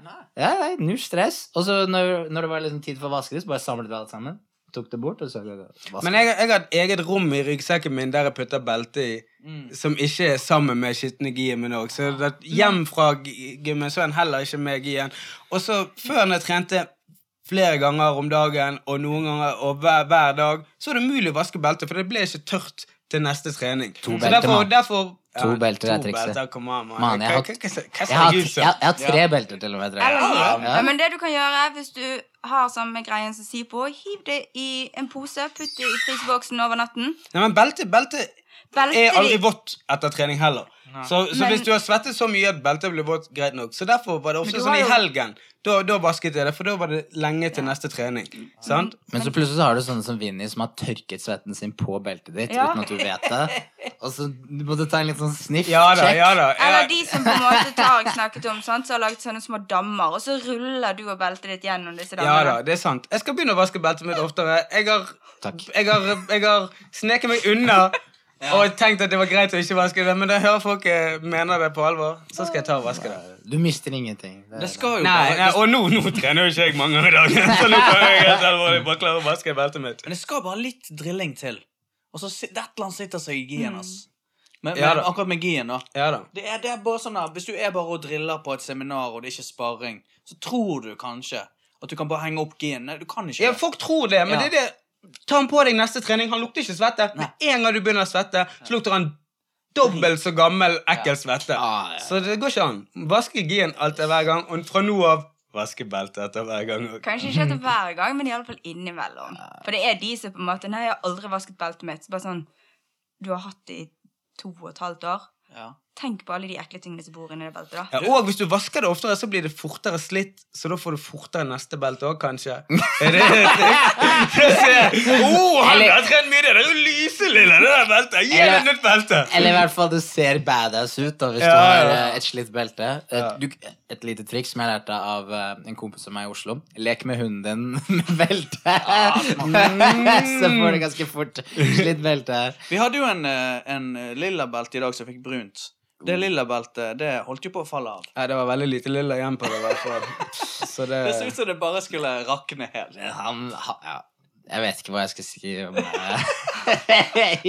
Det var jævlig fint. Uh, Matchet skjegget hans. ja, det er, det er det jeg sier. Altså, altså, skjegget er litt sånn stusslig. Beltet er litt stusslig. Det var, det var vakkert. Ja. Det var vakkert. Nei, så jeg, jeg er glad på hans vegne. Det er veldig Det er bra. Jeg er, glad, jeg er glad for at vi har Rashguard jeg nå, altså. For jeg, jeg, jeg vet at jeg en eller annen gang i løpet av de første, første året jeg trente så vet jeg at jeg har fått et hår fra brystkassen til noen. Ja, men- mellom tennene. Savner du ikke å få nipler i Vet du fjeset? vet du hva? Tann er ikke problemet. For Jeg vet når du får mellom tennene, så kan du faktisk røske det ut. Men når det setter seg fast bak i ganen Eller halsen. Nedi halsen er ja, også ja, jævlig ned, du, du, Jeg har hatt det et par ganger hvor det har sittet seg der, og jeg prøver å drikke vann, og det går ikke noen steder.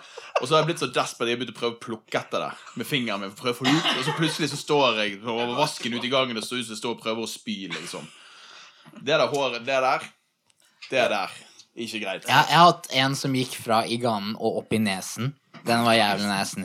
Så når, når, hår? ja, ja, nei, ja, et hår, ja, så når jeg dro den ut fra munnen min, så kilte det nede i nesekanalen, liksom. Var dette brysthåret fra en annen mann? Nei, det må ha det har vært noe må ha Da vært var noe- det langt brysthår. Men, men apropos brysthår, jeg har jo hatt uh, brystvorter i fjeset uh, før Rashguard uh, var, Ja, selvfølgelig. var en ting. Men- Det skjer. Men det er liksom som du sier på siden av sted. Når du, når du er in the heat of the moment, så Ja. du gir du faen. Ja, ja, men, men altså, du har jo de som er litt, litt mer chubby, da. Eh, og når du ligger i bunn mount, og de ligger oppå deg, og så er det Det er på en måte ikke Det er ikke huden som er problemet, det er mer det at det er, det er kaldt flesk som ligger og dekker hele fjeset ditt. Og så er det litt sånn Kanskje det er noe hår, kanskje det er en nippel som går rundt ved øyet, eller liksom skinnet ditt, eller noe sånt. Uhyggelig. Men jeg tenker, du, liksom, hva er forskjellen egentlig på det å svette baller i hodet? Svette, nå kommer svette baller. Svette baller i hodet. Ja, men Når kommer liksom, North-South? Ja, men altså, da er det, da er det noe stoff imellom. Ja, men det er jo ikke mye. Nei, Jo, det er bokser og bukse. Det er mye mer enn Forhåpentligvis bokser, tenker jeg. Noen av disse hy- hybridgiene med sånn supertynt elastisk Ja. stoff med under eh, i skrittet, Ja. der er ikke det mye opp til uh, Der er, det, det har Fantasien. Det til vise veldig, uh, veldig avslørende. Jeg hadde en sånn gi. Jeg fikk en, fikk en av Fivel. Han ville jeg skulle gå rundt i den. Jeg vet ikke hva som var greia. Men Ok, men, Ja.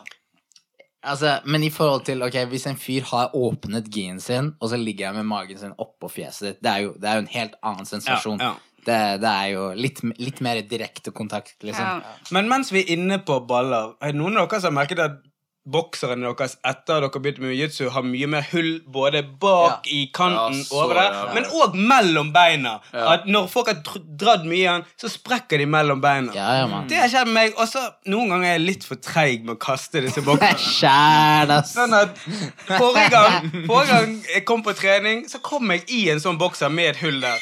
Og så var det helt greit når vi begynte å trille, men så skulle Fivel vise teknikker på meg foran klassen den dagen.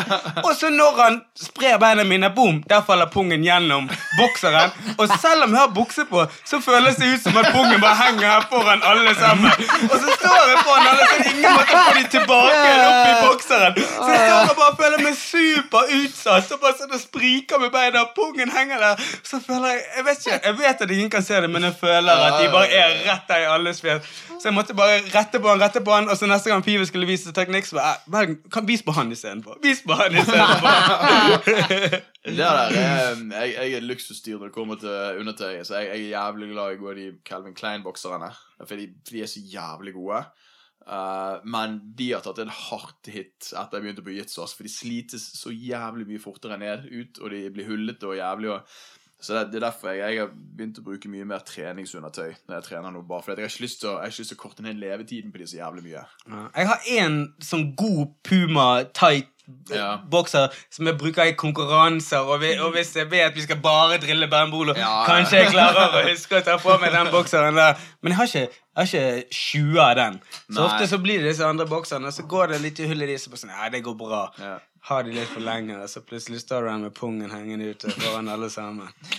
Nei. Ikke Ja, men, men jeg hadde i hvert fall sånn ti sånne boksere med hull bakpå før jeg kastet de siden. Var det Gild som fikk deg til å kaste Altså, det er Gild som får meg til å kaste Det er min dame som får meg til å kaste mine. Okay, gjør det ikke det frivillig. Bare nå er den ferdig. Det er ikke noe Men det, det er jo ikke jeg som får deg til å kaste dem, det er jeg som bretter de sammen. Og når jeg da ser at de er hullete, så kaster jeg dem. Ja, ja. Og så, Eller, og så sa du det til meg, Ja. og så overtalte du meg til å begynne å kaste bokser. Ja, når- Idet du tok de av Kan jeg bare komme med en eh, innrømmelse? Jeg har vært på én trening en gang. I en truse. Ha, har du truse? Jeg hadde én truse, og så tenkte jeg liksom, Jeg gjør dette fordi at det bare skjedde. Og så helt til jeg sto i garderoben i den trusen med sånn hvitbeltefolk som jeg ikke kjente, og så tenkte jeg dette kommer ikke til å gå. Dette, det, det var én gang. Det skjedde aldri igjen. Men altså, truse som i Som i en undik, som vi sier her i Bergen. Ja. Som i, ikke en bokser, men en som går sånn. En speedo. En Ja. speedo, Det er liksom? ikke- Sånn nei, nei, sånn nei. som Supermann har på seg uten Men er det, er det en en man, tann- mannlig speedo, liksom? Ja, altså ikke en, ikke en uh. Helt vanlig truse. Altså, Det er- Mannlig? Det finnes ingen kvinnelig speedo. Så Nei, nei, altså, altså, altså Ok, Men- men mannlig truse, da. Mannlig truse. Nei, men hør, hør. Sånn som du gikk med før du begynte med boksere. Når du var en liten gutt. Ja. Eller kanskje ikke du, for du er etter den tiden. Men Ja. vi Ja, ja, ja, vi voksne menn. Nå skjønner jeg hva som skjer her. Dette er sånn aldersgreie. Det kan være eh, Men det skjedde altså, én gang, og jeg husker jeg sto i garderoben og tenkte sånn Jeg, prøvde, og det var én gang, og aldri mer. For det Nei. Jeg òg har en sånn truse som jeg gikk på med på en trening. Og når jeg gikk med den tre på treningen, så var det noen som kommenterte den i garderoben og lo av meg. Men det verste med det hele er at den trusen er ikke min. Den er Sigurd sin. Som jeg fikk låne av han en gang. For vi, vi hadde vært på trening, så stakk vi hjem til Sigurd. Og så hadde jeg ingen undertøy når vi skulle gå ut etterpå. Så fikk jeg låne en truse av han. Men når de begynte å mobbe meg for han, så kunne ikke si bare sånn Det er Sigurd sin! Det hadde vært enda verre! du må bare Så jeg stå i måtte det. bare spise de der kommentarene. Bare, greit, greit. Jeg går med truse. Ok. Det er Sigurd. Man må prøve ut ting. Ja. Man må prøve. Men det var litt flaut å stå her. Jeg følte meg som en liten guttunge. det er ikke noe fett. Ja, ja. Men da må jeg spørre dere om noe. For vi jenter, eller vi jenter sier jeg. vi har, Jenter snakker litt sammen òg. Eh, hva syns gutter om jenter som trener med sminke? Å, shit, vet du hva? Jeg liker ikke hvis jeg har hvit gi. Ja, det, er akkurat opp for meg nå at jeg aldri tenkt på. Jeg har aldri reagert på det engang. Det har aldri, det har aldri vært et Men det kommer jo an på altså, Ok, Jeg kan forstå hvis du har sminket deg før arbeidsdagen og bla, bla, bla, og så kommer du bare rett inn, og så Du gidder jo ikke å vaske trynet ditt før du skal på maten. Nei, men jeg, Eh. jeg, jeg, det tror jeg det er en del som gjør, faktisk. Men, men Ja. jeg, jeg kan relatere meg til prosessen av å være altså, For eksempel når vi var mye yngre, sånn som når vi var på din alder, Tariq, Oh. så, så husker jeg jo at liksom, mange av jentene jeg omgikk med på den tiden, sminket jo seg altfor mye. Sant? Så hvis du hadde på deg lyse klær, så ville du hele tiden ha um, flekker på deg og sånn. Liksom, så jeg kjenner igjen den prosessen. Men når jeg tenker meg om nå, så hadde jeg jeg har aldri vært gjennom den tanken på trening. Jeg har sett flere ganger, men, men det har ikke med sminke å gjøre. For det, jeg regner med de fleste jenter går med litt maskara og Ja, litt sånn ja, selvfølgelig. litt pynt. Men det handler bare om mengden sminke. For det, hvis du syns du skal på klubben og går inn på matten, så ser det bare vittig ut. Ja. Det ser bare tidig ut hvis du går med sånn nattklubbsminke, nei. Og så skal vi weird ut, trene, ja. liksom. Det ser tidig ut. Hva skjer når du svetter, da? Hva, eller hva skjer det som skjer, er at fjeset til den andre jenten ligger igjen på Ja, det din det. gi. Og det vet ikke, jeg, For min del syns ikke det er noe hyggelig. Nei, men det- Jeg tenker at jeg blir svett og ekkel uansett. Jeg Så herregud, jeg har blod på G-en. Jeg har all slags drit på G-en. Jeg ikke bryr meg om noe sminke. Jeg har ikke sett det så mye, men det skjer vel da, kanskje? Jeg har, ikke Ja. lagt merke til det. Ja, jeg har, jeg har sett det, men samtidig òg, akkurat som deg, det bryr meg ikke sånn. Annet enn at jeg syns det er vittig at Ja. du går med masse sminke når du vet du skal trene. Ja. Det er vittig. Men uh, Jeg rullet tenker jeg med mer på sånn som sitter fast i gien, sånn at du vet at den hvite gien din ja, men jeg, jeg syns hvite gier suger uansett. Gier Ja. de er bare hvite i sånn tre uker, og så er ikke de hvite lenger. Så er de plutselig litt grå. Så den Christian gikk med i dag, bare sånn Herregud, skal du være gå med den gien på et Ja, bilde? Jeg Jeg- er flau på dine vegne. jeg. Herregud. For jeg har tenkt på den gien har vært sykt fornøyd med, for den har vært hvit jævlig lenge. Og så har jeg bare holdt den tanken, og så nå forrige uke faktisk, så husker jeg eh, jeg trente med en eller annen du. Jeg med deg, Tariq, med den Ja. eh, hvite gien din. Og så bare plutselig så så jeg at min faen Jeg mobbet først Erling, for han hadde en gul gi. Mm. Og så gikk jeg med deg og så ble jeg sånn Faen, min er jo faen meg gul, den òg. Eh, bare- sin var jo heller ikke hvit, for jeg måtte nekte Ja, da var det han noen, å ta da, ja, men da var det noen andre. Nettopp, så vi må begynne sånn Art of Jiu-Jitsu-filter på alle bildene, sånn at alle får kritthvite gir. Det er eneste måten å gå på. Eller sånn bleach uh, Ja, men de får hvite gir og blå føtter. Ja. De skulle være kulden Ikke et har på bildet ja. Har de, har de ny gi hver dag? Det er bare hvitbalansen skrudd litt annerledes, tror jeg. Jeg tror det er litt lys og effekter Ja, Men meg og, meg og Markus har en plan for dette her. Eh, vi, uh, vi eh, skal uh, gå til innkjøp av farge, og så skal vi farge alle hvite giene våre.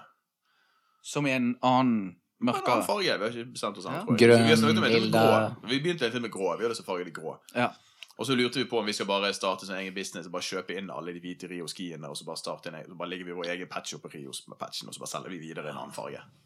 Ja. Ja, hvite gier er ikke the way to go. ass. Uansett om jeg vasker de hver gang jeg kommer hjem fra trening, etter en liten stund så er den der innsiden av kragen ikke hvit lenger. Ja, Den blir litt nesten- brun, så lurer jeg på er det min brunfarge som består. Hva er det for det? Så, kan jeg, kan jeg få spørre deg, Tariq? Bruker du blå gi noen gang?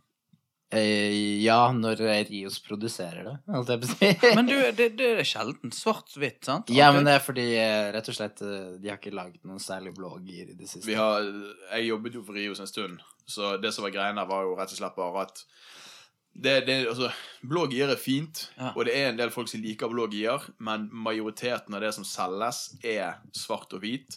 Og som en gi-produsent så må du kjøpe inn bunker med, um, med stoff hos fabrikken. Sant? Du kan ikke bare, som ofte så kan du ikke bare bestille det du skal ha, men du må faktisk finansiere et parti med stoff inn, sånn at du kan produsere produktene dine.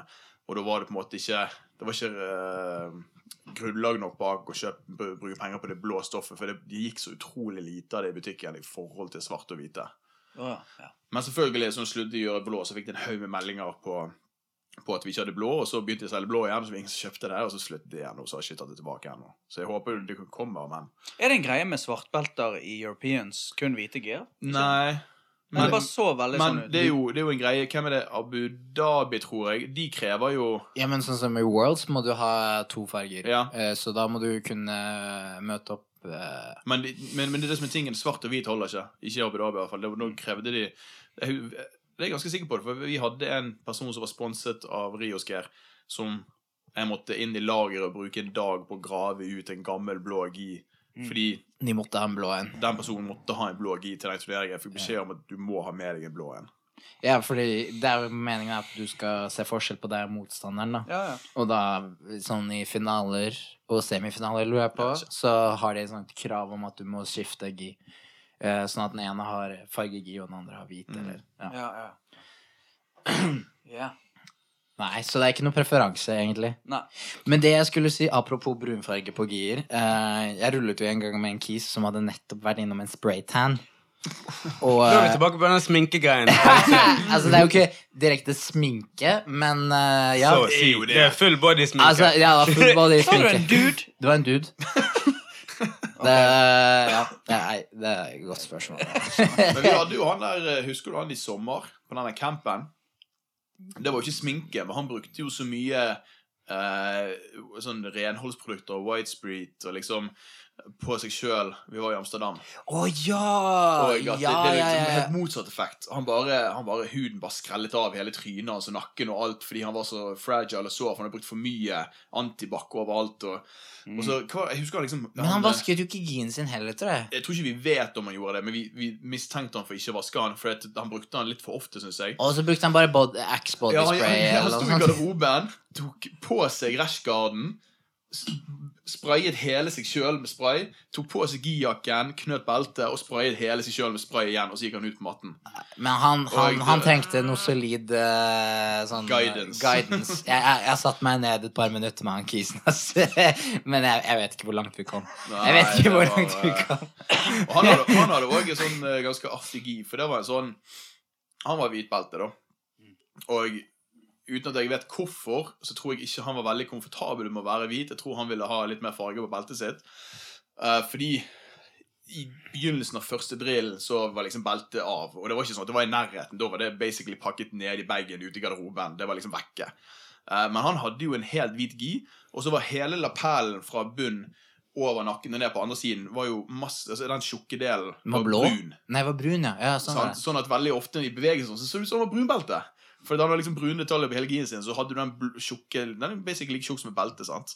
Ja. Så du fikk litt den der Hvis ikke du ser nøye etter, så ser det litt sånn ut. Og liksom, han, han kvittet seg med det beltet hele tiden. Det var sånn med en gang, hver dag.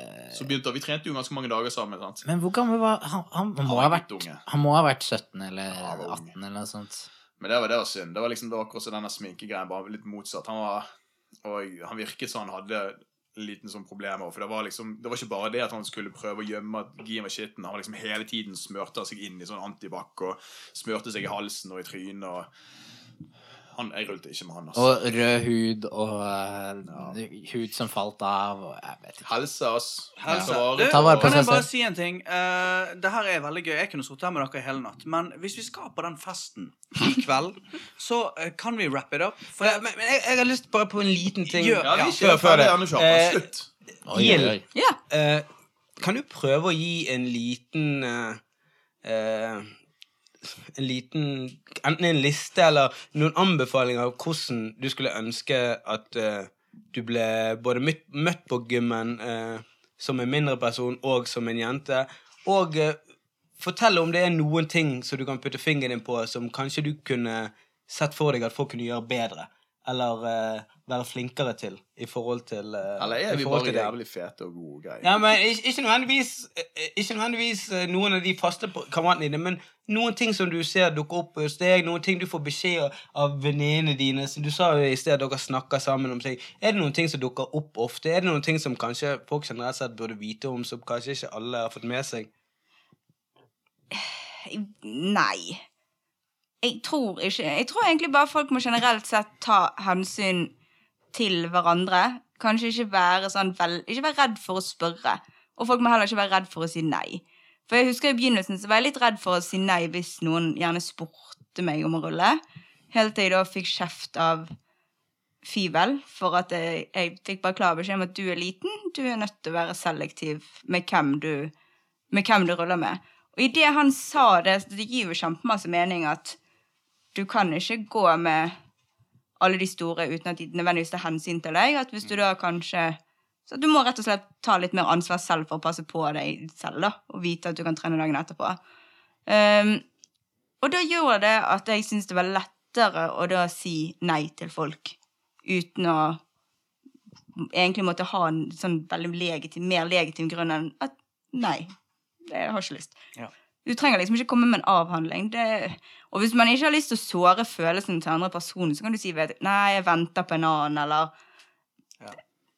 jeg må hjem og mate katten min, eller Burde folk eh, spørre, eh, invitere til sparring, eller burde de vente og la deg eh, ta initiativ Jeg tenker at folk kanskje kan godt spørre liksom For min del så må folk bare spørre, for jeg sier jo nei hvis jeg ikke vil. Bitchy som jeg er. Uh, sant? Etter at Tina Sipo til og med har fått beskjed om andre at jeg bare sier nei. Nei da. nei, men jeg syns det er gjerne lettere å si nei, for som liten person så vet jo jeg òg at jeg er mindre. Så jeg vet jo òg eksempel at ok, si at du sier på en konkurranseoppkjøring Jeg vet at jeg er en pause. Liksom Jo, jo, men det er jo ikke, det er jo ikke noe tull. Jeg kan ikke gi deg samme type motstand som det noen av de andre her kan gjøre.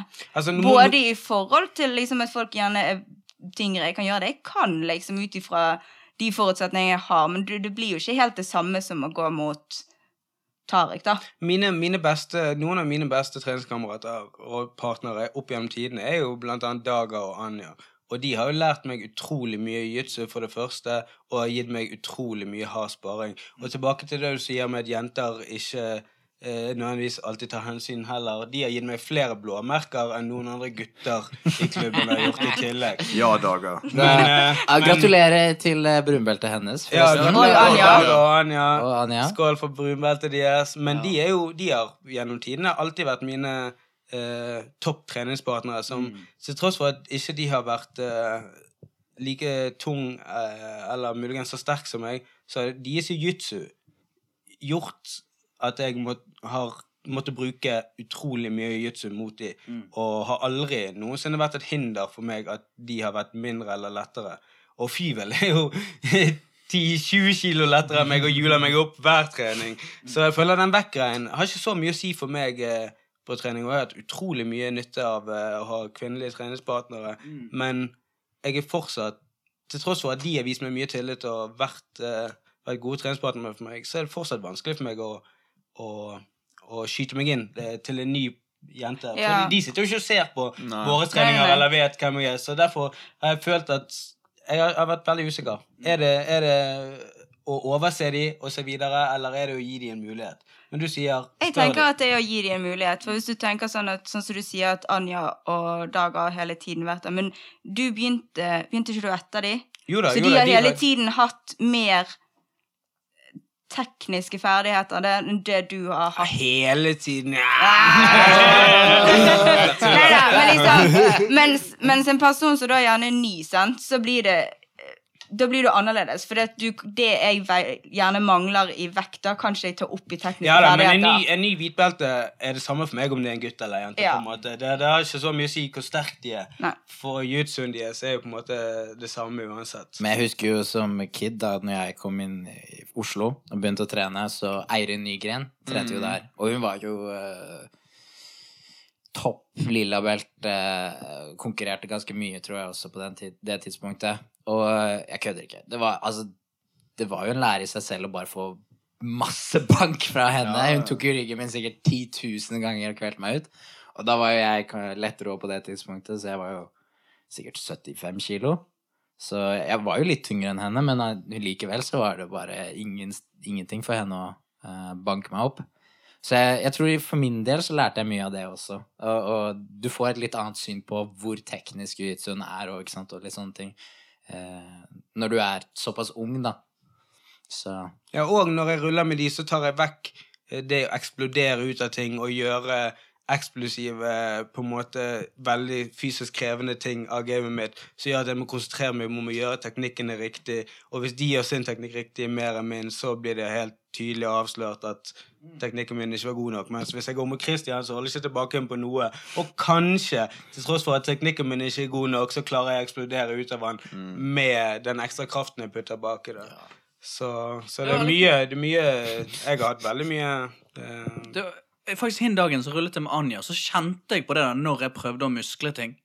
Hvordan hun bare løste det med jiu-jitsu. ja. At det er så jævlig høyt nivå. At det hadde liksom ikke så mye å si at jeg var sterkere enn noen. At hun bare løste det og Ja. Jeg hadde Fyvel oppå meg i går. Eh, Topside Control. Så drev han og Han, han har trent eh, crossfit i tre uker, påstår han. Jeg mener at det er to uker, men han sier tre uker. Og jeg tuller ikke. Han har fått sin nye sånn eh, Jeg vet ikke Slagord, eller hva, hva sier man? da? Han, han bare kall, han, han sier alfa, alfa, alfa-team. Og så flekser han med alt han har i hver eneste muskelfiber. Han gjorde det han gjorde det i dag òg når han tok belte på meg. For han ga meg, som han alltid gjør, et jævlig lite belte. Jeg er jo ikke et A2-belte i nærheten. Jeg er A3, kanskje A4. Ja. Så jeg kom bort der i dag, og så mens Teta står og knytter av med beltet, så ser jeg Fible står og hopper i bakgrunnen mens han står og peker på A2-labelen på beltet han skal gi meg. Ikke fordi det ikke lå et A3 ved siden av meg, fordi han ville gi meg et A2. Og så når han skulle knyte det, så fikk jeg ikke han skikkelig grep, for det er så jævlig lite igjen på hver side. Og så hørte jeg han stå der. Alfa, alfa, alfa! Og så sto liksom og strammet beltet. Så han er inne i et eller annet der. Og, og så eh, påsto han at han kunne holde meg nede med all den styrken hans, da. Og så sa jeg ok, vil du føle alfa? Og så tok jeg en liten sånn benkpress og la han til siden. Han bare fuck off. Hatet meg så jævlig. og for å gjøre det enda verre, så tok jeg en forlengsrulle og lot han komme på topp igjen. På sin toppsidekontroll. Dette er det jeg lever med. Jeg tror det er et bra sted å avslutte. Ja. Og det, det forklarer jo litt den situasjonen med deg når du skulle få det svartbelte i dag. Og... Nei. Å oh, nei! Nå, hvorfor Nei, hvorfor dro du opp det? Ok. Det var ikke Takk for i dag.